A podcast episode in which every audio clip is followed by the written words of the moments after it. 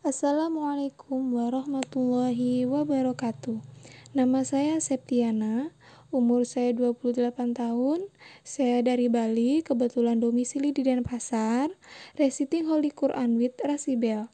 Saya akan membacakan surat Al-Quraisy pada juz ke-30, halaman ke-602 di sebelah kiri atas, surat ke-106.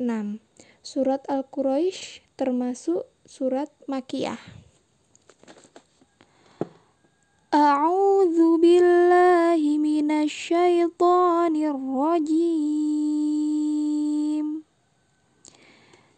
Bismillahirrahmanirrahim. Li'ilafi Quraisy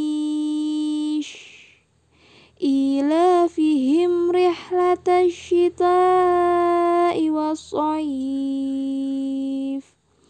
فليعبدوا رب هذا البيت الذي أطعمهم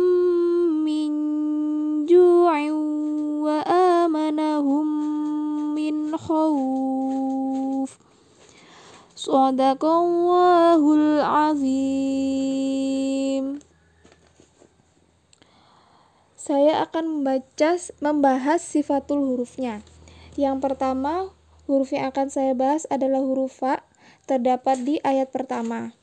Dari segi keluarnya nafas, huruf fa termasuk hamas. Artinya ketika melafalkan huruf fa, ada udara yang keluar. Lalu kalau dilihat dari segi suara, huruf fa termasuk rohwah yang artinya lembut. Lanjut dari segi mengangkat atau tidaknya pangkal lidah, huruf fa termasuk ke dalam istifal, artinya menurun atau, atau tidak mengangkat pangkal lidah. Kalau dilihat dari segi lengketnya lidah, fa termasuk invitah, artinya tidak lengket.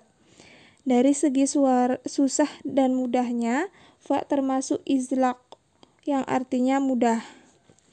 Huruf yang kedua adalah huruf shin. Masih pada ayat pertama. Huruf shin termasuk hames, artinya ketika melafalkan shin, ada udara yang keluar.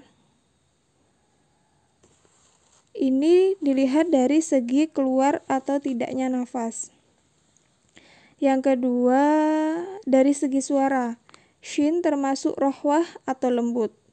Dari segi mengangkat atau tidaknya pangkal lidah, shin termasuk istifal atau menurun atau tidak mengangkat pangkal lidah. Dari segi lengket atau tidaknya lidah, shin termasuk invitah atau tidak lengket.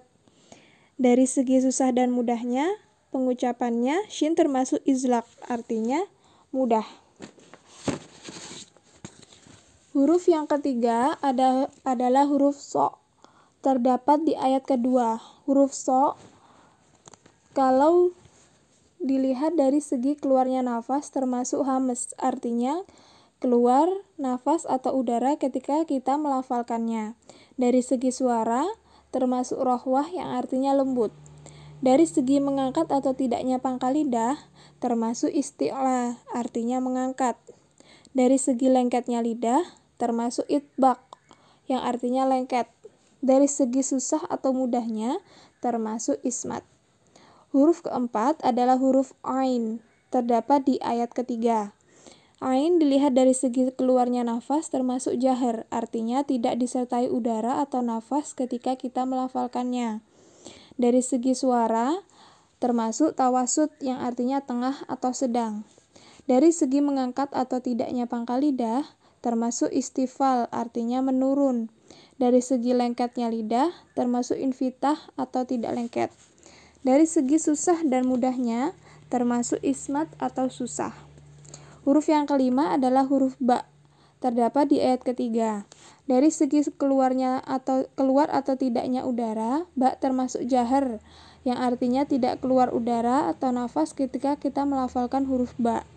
Terdap dari segi suara, termasuk syiddah yang artinya kuat. Dari segi mengangkat atau tidaknya pangkal lidah, bak termasuk istifal atau menurun. Dari segi lengketnya lidah, ba termasuk infitah yang artinya tidak lengket. Dari segi susah dan mudahnya, ba termasuk islak yang artinya mudah. Huruf yang terakhir yang saya bahas adalah huruf zal. Dari segi keluarnya nafas, zal termasuk jahar atau tidak disertai udara saat kita melafalkan huruf zal. Dari segi suara, zal termasuk rohwah yang artinya lembut.